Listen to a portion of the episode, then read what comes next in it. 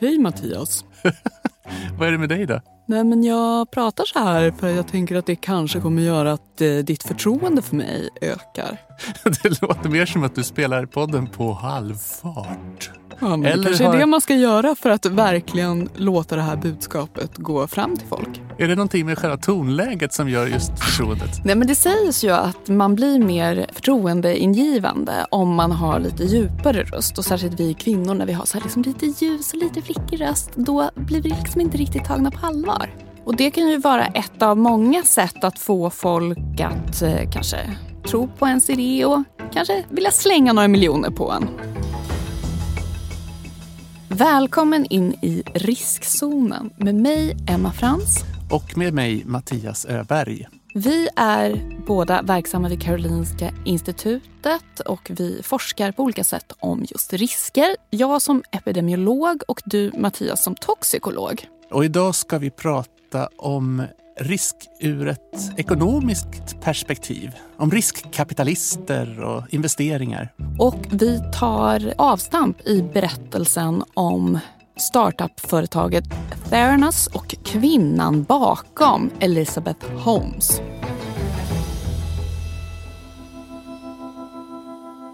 Som 19-åring hoppade hon av prestigeuniversitetet Stanford för att starta företaget Theranos.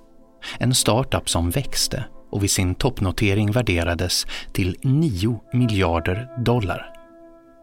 Elizabeth Holmes, som inspirerad av föregångaren Steve Jobs alltid bar en svart polotröja, hyllades av en hel värld och utnämndes 2014 till världens yngsta kvinna som på egen hand blivit dollarmiljardär.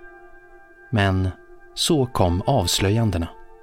Theranos revolutionerande teknologi fungerade inte. Hela verksamheten byggde på en bluff och kvinnan som skulle förbättra världen hade både vilselett investerare och riskerat människors hälsa. I februari 1984 föds Elizabeth Ann Holmes i den amerikanska huvudstaden Washington DC och vid nio års ålder flyttar hon med familjen till Houston, Texas. Tidigt står det klart att den lilla Elizabeth har stora visioner. Som sjuåring gör hon en ritning på en tidsmaskin och som nioåring skriver Elizabeth Holmes ett brev till sin pappa. Det jag vill lyckas med i livet är att upptäcka något nytt, något som mänskligheten inte visste var möjligt. I samma ålder klargör hon för sina anhöriga att hon vill bli miljardär som vuxen. Långt senare uppger Elizabeth Holmes i en intervju att det bästa med hennes uppväxt var att ingen sa till henne att hon inte kunde åstadkomma dessa saker. I grew up in a family of people who wanted to make a difference in the world. Under high school blir det tydligt att Holmes har goda förutsättningar för att förverkliga sina höga ambitioner. Hon är en toppstudent med högsta betyg i alla ämnen.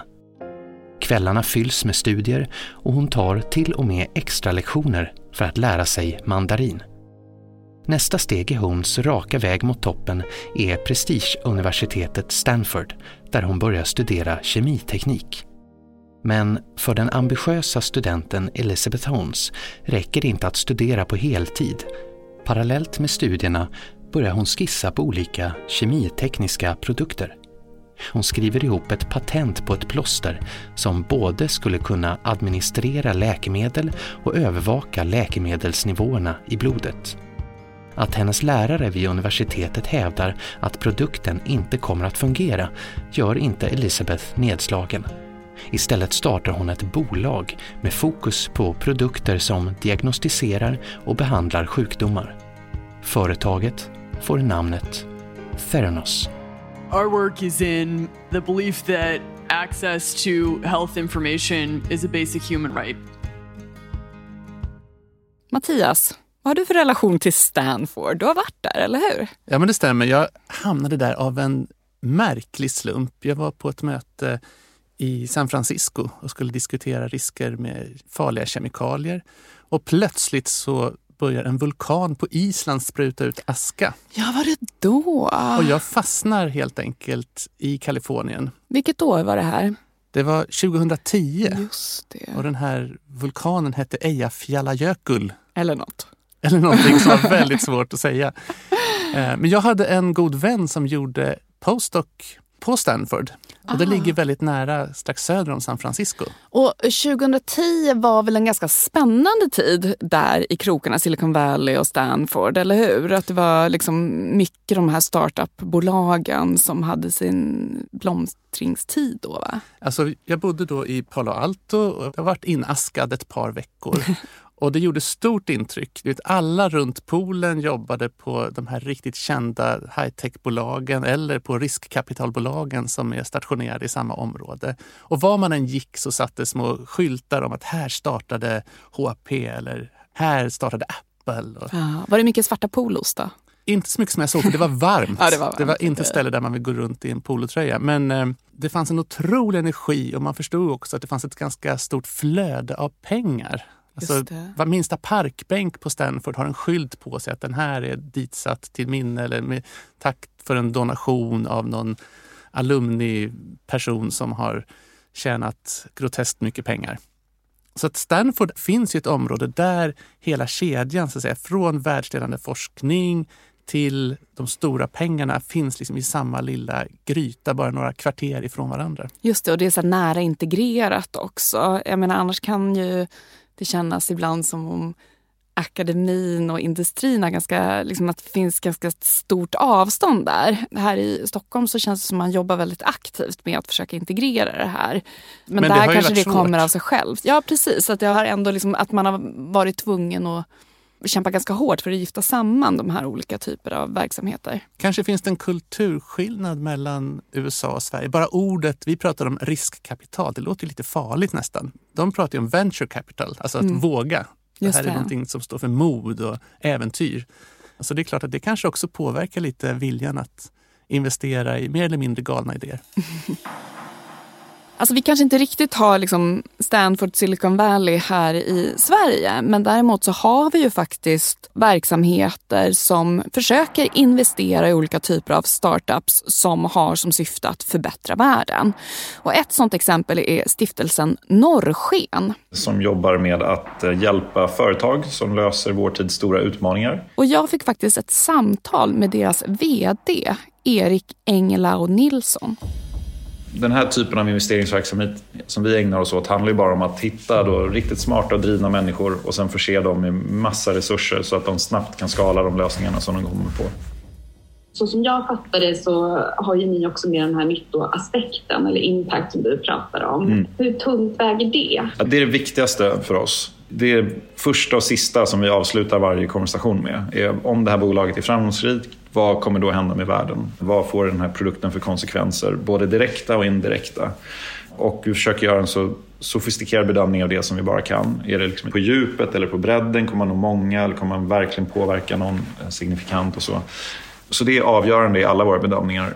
Men vi tror också att har man en riktigt bra impact idag så finns det en väldigt stor möjlighet till att tjäna bra med pengar också. Man brukar säga att värdet på ett bolag är summan av problemen som man löser.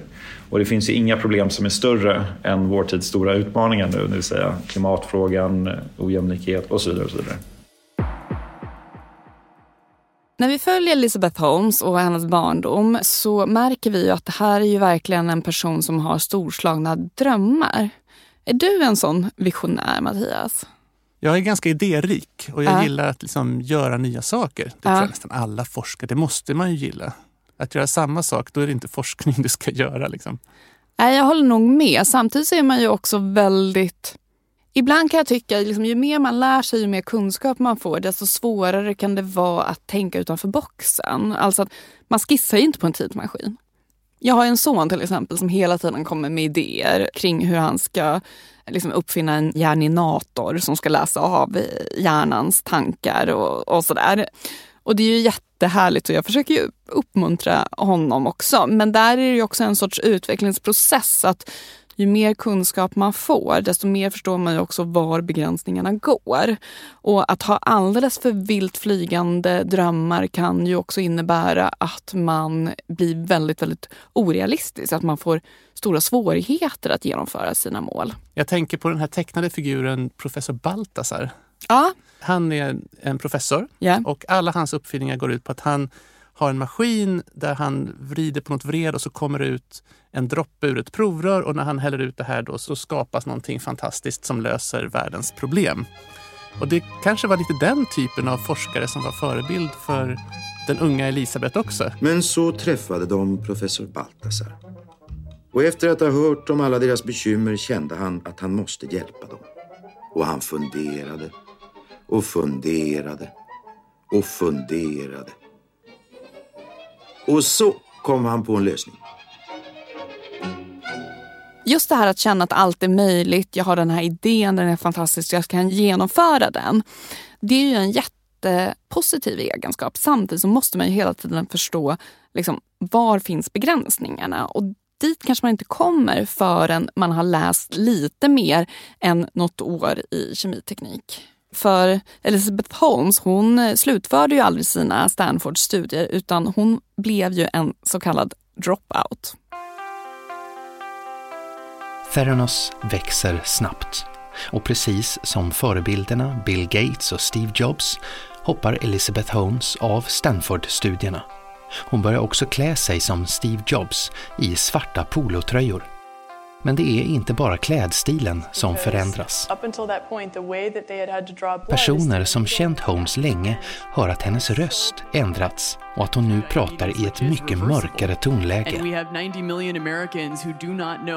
they are pre-diabetic. The youngest billionaire in the world. Is that heady when you hear that? You know, it's it's not what matters. Um, what matters is how well we do in trying to make people's lives better. That's that's why I'm doing this. That's why I work the way that I work, and that's why I love what I'm doing so much. Hon är precis den entreprenör som världen väntat på. En ung kvinna som är fast besluten att förändra och förbättra världen.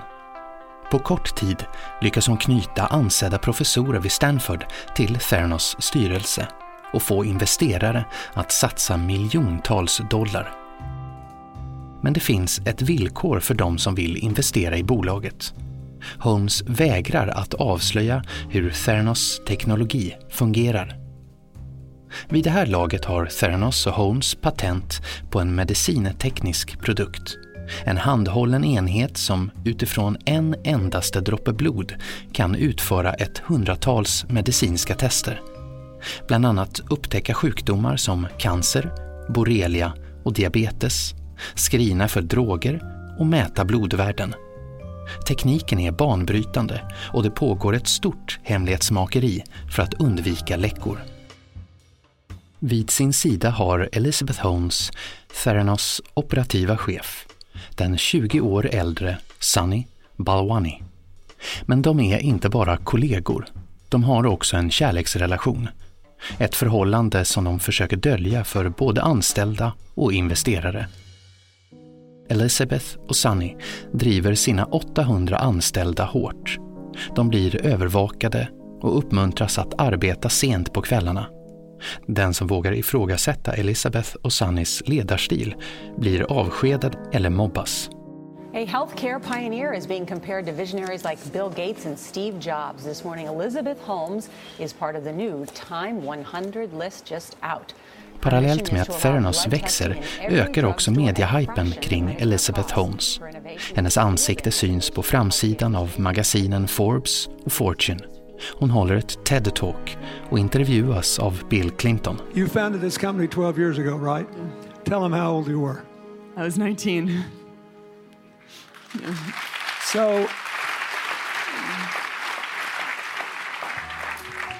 don't worry about the future. We're in good hands. Elizabeth Holmes fungerar som ansiktet utåt för Theranos och marknadsför blodtesterna genom att berätta gripande berättelser om en kär farbror som dog i cancer eftersom han inte fick diagnosen i tid. Hon berättar också om sin rädsla för sprutor. Nu har hon hittat lösningen. Our mission, our dream is to make it possible for people everywhere to begin to have access to this information so that they can use it to live their best lives. I samarbete med stora aktörer som apotekskedjan Walgreens börjar nu Theranos banbrytande blodtest användas på vanligt folk. Den hemliga teknologin är nu ute på marknaden och används för att avgöra vem som är sjuk och vem som är frisk. Mattias, har du någonsin liksom träffat en sån här extremt karismatisk och ambitiös person som bara liksom sveper ivägen med storslagna visioner? Ja, men det skulle väl vara när du plötsligt på en middag föreslår att vi borde göra en podd tillsammans. Var det inte du som föreslog det? Kanske var jag som... Nej men, eh, eh, jag har väl haft en och annan föreläsare som man har liksom verkligen fått den här... Man känner att jag och alla andra studenter börjar nästan liksom brinna av entusiasm för detta fantastiska ämnesområde. Så jag tror att den här typen av personer kan ju också användas för att väcka intresse. Mm. Jag är ju ute och, och föreläser en del. Och där finns det ju liksom föreläsare Alltså de är så liksom härliga och karismatiska, man känner sig så inspirerad. Och sen så efter tio minuter så bara, men vad var det de sa egentligen? Vad var budskapet? Och så bara så här, nej men de sa ju egentligen ingenting av värde. Men att man ändå får den där liksom känslan att man blir medsvept på liksom deras känslomässiga och engagerade narrativ. Och det där är ju liksom en viktig egenskap och jag tänker mig för att det kan ju vara jätteproblematiskt när en person som vill vilseleda eller göra människor illa liksom är sådär karismatisk. Samtidigt kan ju det här också vara en jätteviktig egenskap för att man ska liksom nå framgång. Och jag pratade faktiskt lite med Erik Engelau Nilsson om just vikten av den här liksom starka personen när man väljer vilka man vill investera i. Om någon är så otroligt duktig som hon var på att sälja in det här och få med sig bra människor så betyder det ofta någonting. Och, och ofta så kan man då kompensera liksom en dålig idé med bra execution i efterhand. Men frontfiguren är alltså liksom viktig? Ja, avgörande. avgörande. Ja. Absolut. Vad tycker du om den här innovationen, då? den här enheten, medicinsk-tekniska produkten som kan utifrån en droppe blod göra alla de här blodtesterna? Det vore ju toppen om det funkade. Eller hur?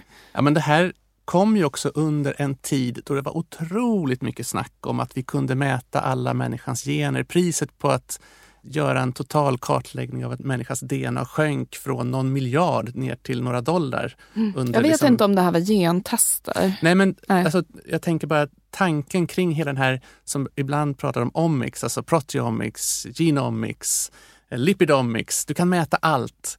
Och du jag får enorma vi, datamängder. Ja, men jag tänker att vi fortfarande, alltså vi pratar jättemycket om det där fortfarande. Och liksom precision medicine, att man ska liksom mäta massa olika saker och med hjälp av det ska man kunna skräddarsy behandlingar. Eller diagnostisera saker jättetidigt vilket då kan göra att man verkligen... Eh, det bygger ju på en ganska deterministisk syn på hur människans kropp funkar. Mm. Att allting går att mäta och att allting har ett tydligt samband med risker till exempel. Och det vet vi att så är det inte. Ofta handlar det ju om att det kan påverka risker. Men på individnivå har det visat sig extremt svårt att hitta någon vettig information ur detta moln av data som man kan generera.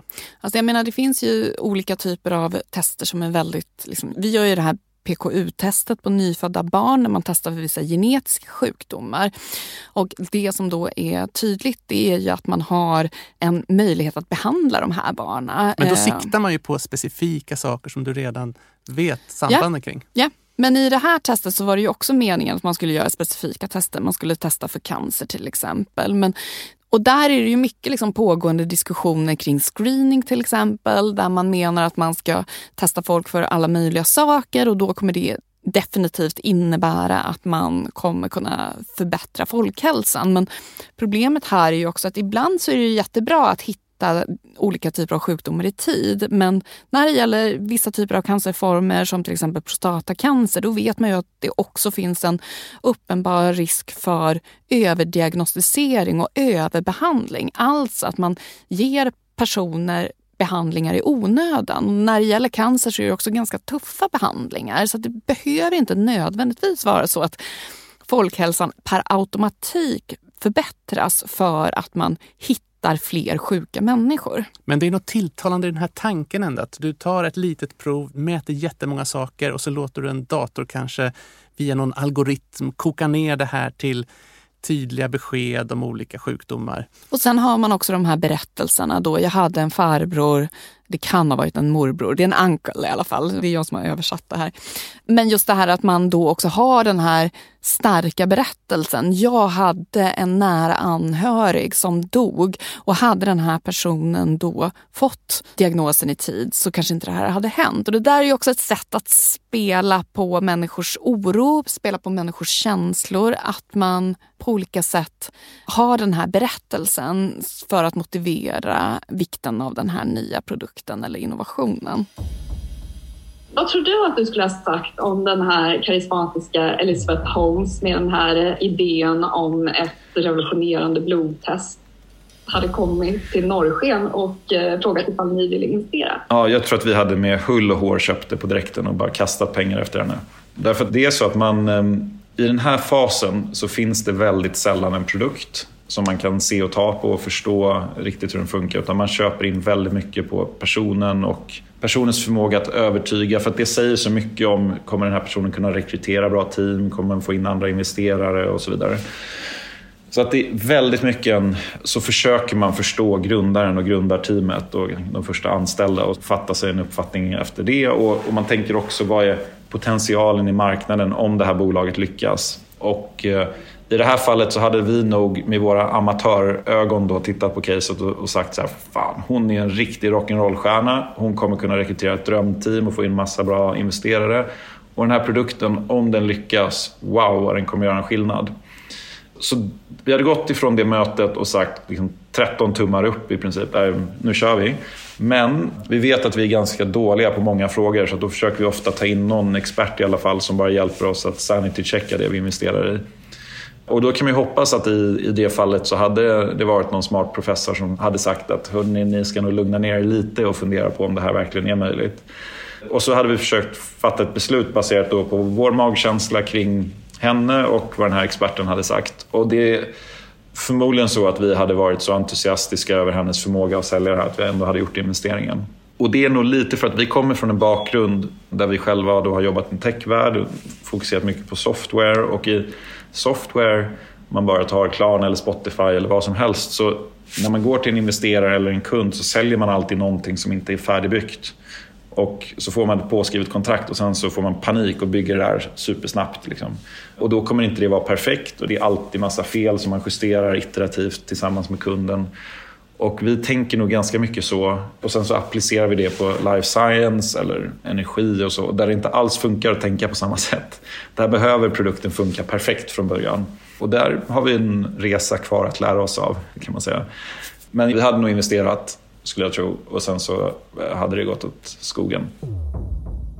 Men en annan stor lockelse med att investera i Theranos, det var ju just det där att man gav sken av att det här verkligen skulle förbättra samhället. Jag menar det är en sak om man säger så här, nu så ska vi tillverka vapen eh, som ska användas av barnsoldater i fattiga länder. Då kanske folk tänker så här, mm, jag ska nog inte investera i det här. Eller för att jag ska investera i det här, då måste det vara extremt lukrativt. Men när man på något sätt ger sken av att det här är någonting som kommer göra världen bättre, då kanske man inte heller är riktigt lika kritisk eller man kanske inte är riktigt lika försiktig när man väljer att investera i ett sånt här bolag. Samtidigt är ju sällan teknik enbart gott eller enbart ont. Nej, men vi har ju pratat om det. Vi har ju pratat om Nobelprisbelönade uppfinningar som DDT, att det kan vara ganska svårt initialt att veta ifall någonting är bra för världen eller om det kanske kan finnas negativa aspekter som vi inte har tänkt på. Jag läste en intressant artikel i veckan som just handlade om malariabekämpning och ett nytt vaccin som man har tagit fram med internationella medel som man nu från WHO vill ska börja användas. Det är bara ett problem med det här vaccinet och det är att effektiviteten är rätt låg. Och då är man ju rädd då att man avstår från andra sätt att bekämpa malaria. Just det, eller att det blir en falsk trygghet kanske på individnivå. Ja, och om du dessutom ser att ja, men, ganska många av de som får vaccinet blir sjuka i malaria i alla fall. Vad är det här för vaccin egentligen? Och sen så sätts det igång så att säga, ett informations och kommunikationsproblem som man kanske inte alls har tänkt på när man tog fram det här vaccinet. För att i reella tal ser det naturligtvis jättebra. Även om vi bara kan rädda vart fjärde eller vart tredje barn som dör i malaria så är det en fantastisk utveckling. Om man bara kan hantera de här sidoeffekterna. Så på vissa sätt så kan det ju vara väldigt problematiskt om man har en produkt som utger sig för att vara liksom väldigt effektiv, skydda mot malaria eller kunna diagnostisera olika typer av sjukdomstillstånd och som inte riktigt levererar till den nivå som man skulle vilja sett. Men i det här fallet så var det ju inte bara att den underpresterade. Som jag förstår det så fanns det inte ens någon hemlig algoritm som löste de här problemen som man påstod sig lösa. När Theranos produkter kommer ut på marknaden börjar allt fler kritiska röster höjas mot företaget. Anställda menar att de diagnostiska testerna ännu inte är redo att användas av allmänheten och att tekniken inte fungerar på utlovat sätt. Forskare utanför verksamheten uttrycker också en stor oro för problemen med blodtesternas träffsäkerhet. I augusti 2015 börjar FDA, amerikanska läkemedelsmyndigheten, granska Theranos och anmärker på stora problem med testernas utfall.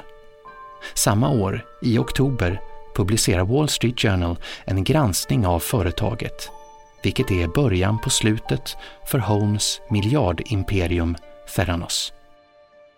Granskningen visar bland annat att Theranos blodtestenhet inte kan ge exakta resultat och att företaget istället kör sina prover genom samma maskiner som redan används av traditionella blodtestningsföretag. Elizabeth Holmes is no visionary, she's a fraudster who's risked people's lives som svar på kritiken säger Elizabeth Holmes i en tv-intervju strax därefter.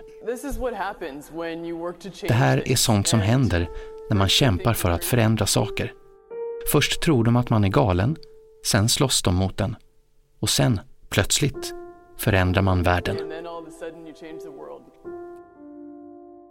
Blood testing firm Theranos is formally dissolving, but that is not the final chapter in this story. År 2017 stänger Theranos ner sin verksamhet. Most of the company's employees work their last day on Friday. Och 2018 åtalas Theranos, Elizabeth Holmes och Sunny Balwani för omfattande bedrägeri. They're charged with defrauding investors out of hundreds of millions of dollars and defrauding doctors and patients. I en förlikning med Securities and Exchange Commission går Holmes med på att ge upp den finansiella och rösträttsliga kontrollen över företaget betala en halv miljon amerikanska dollar i böter och lämna tillbaka 18,9 miljoner andelar i Theranos aktier.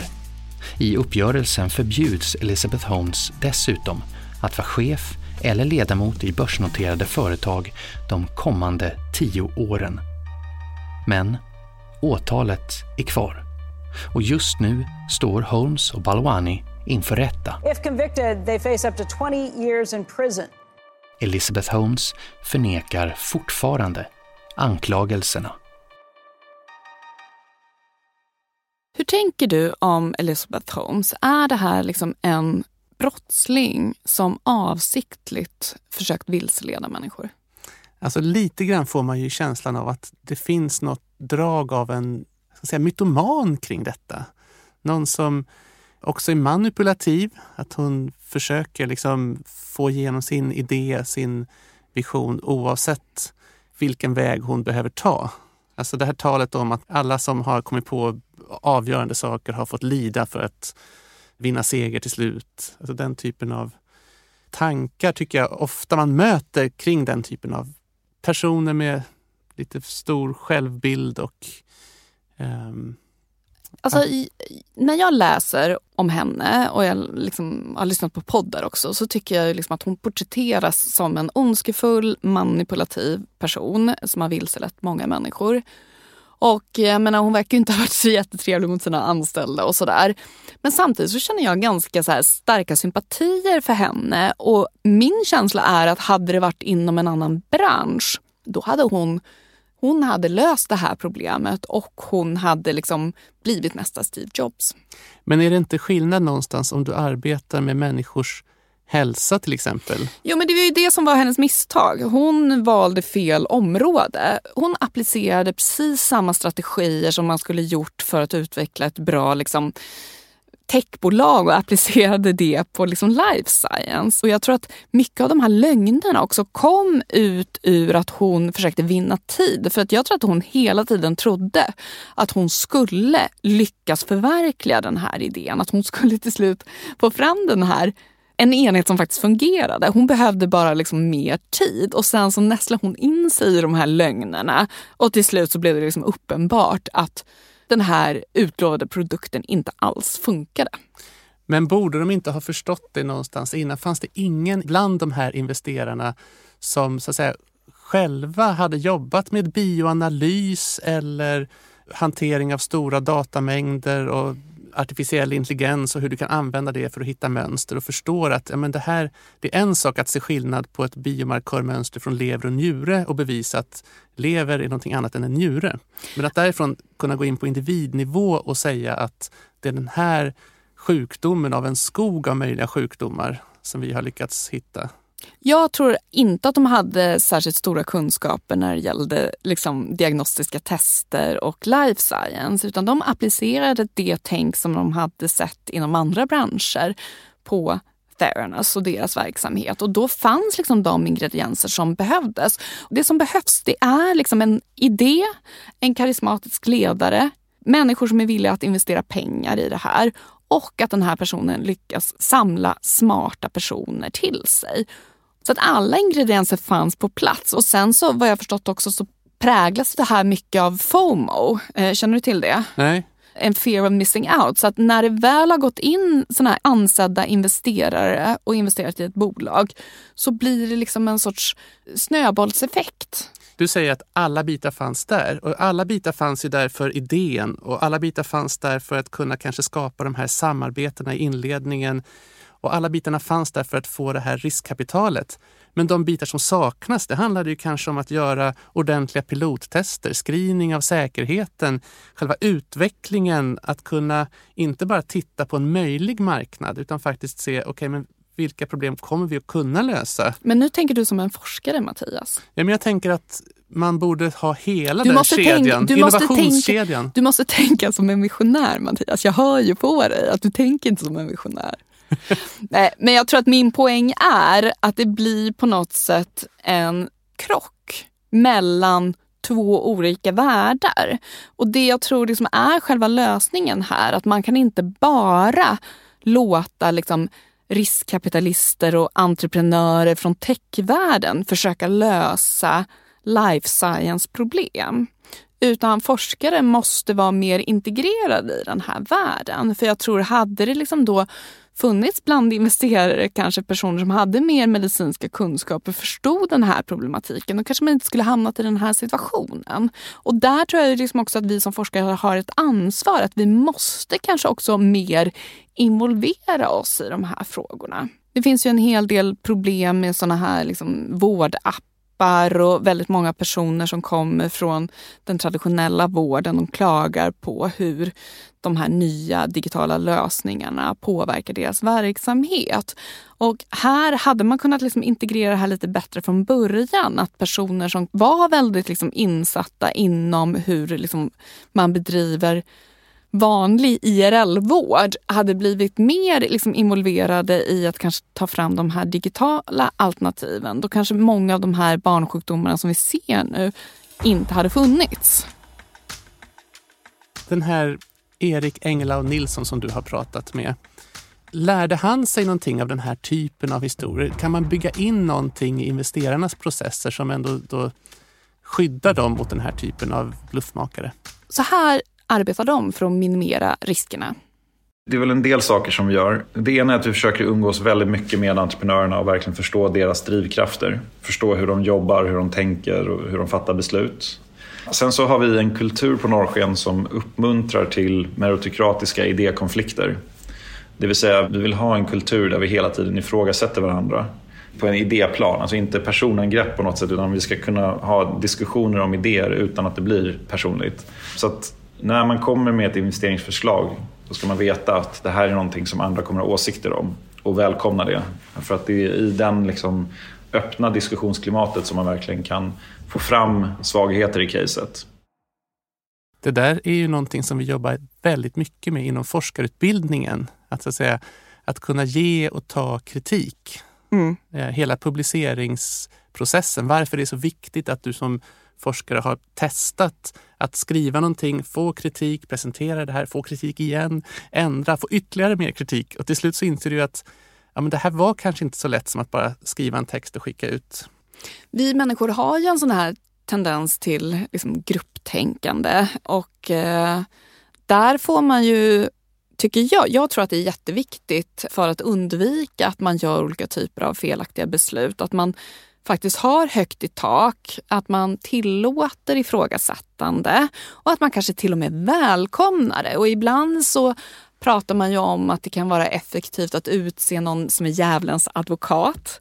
Just det här att någon som, även om alla håller med varandra och vi har jättemysigt, så... Eh, någon får sätta på sig den svarta hatten. Någon får sätta på sig den hatten och bara försöka liksom hitta på motargument. Just så att man vet att man faktiskt kan testa ifall den här uppfattningen som finns inom gruppen verkligen håller. Det där tror jag är superviktigt faktiskt. Och där får man ju också komma ihåg att vi människor vi har den här tendensen till att vilja ha liksom ett sorts konsensus inom gruppen och att vi kanske liksom evolutionärt också är programmerade att hålla med varandra. Att det är jättejobbigt när det skaver. Och Förr kanske vi blev utslängda från gruppen och dog om vi liksom ifrågasatte och sa emot. Men så är det ju inte nu för tiden och jag tror att det är jätteviktigt att verkligen så här, försöka främja en gruppdynamik där man faktiskt får ifrågasätta. Vilka slutsatser ska man ha? Ska man ha slutsatsen att man ska inte satsa på vilda idéer eller är slutsatsen att det är någonting fel med just den här idén? Är det någonting i det här vi skulle kunna bli bättre på? Jag tror att man ska tänka på det som forskare, att man bör börja klä sig i svarta polotröjor. Och prata, prata lite, lite mörkare. mörkare. Nej, men min son visade mig häromdagen en det finns en sån här humorgrupp som heter I just wanna be cool. De har i alla fall gjort någon film som handlade om varför man ska rösta. De menar då att om man inte röstar så har man inte rätt att klaga. Vilket jag tyckte, det ligger någonting i det. Och det är väl lite så jag menar också att man sitter här och gnäller på att såna här startupbolag, de liksom fattar inte hur vetenskap funkar. Att man inte kan utifrån en droppe blod göra vilka tester som helst. Men på något sätt, för att vi ska ha rätt att klaga på de här branscherna så måste vi ju också vara med och försöka ändå påverka i vilken riktning life science innovationerna fortsätter. Du har lyssnat på Riskzonen med mig, Emma Frans. Och med mig, Mattias Öberg. Som vanligt spelade vi in det här avsnittet på Beppo och Klara Wallin är vår producent. Och inläsare var också som vanligt Peter Öberg. Och vi vill rikta ett tack mot forskningsrådet Formas för ekonomiskt stöd. Förhoppningsvis en god investering. I nästa avsnitt kommer vi att titta på en väldigt allvarlig risk för samhället. Det kommer att handla om olika typer av missbruk och i synnerhet opioidkrisen i USA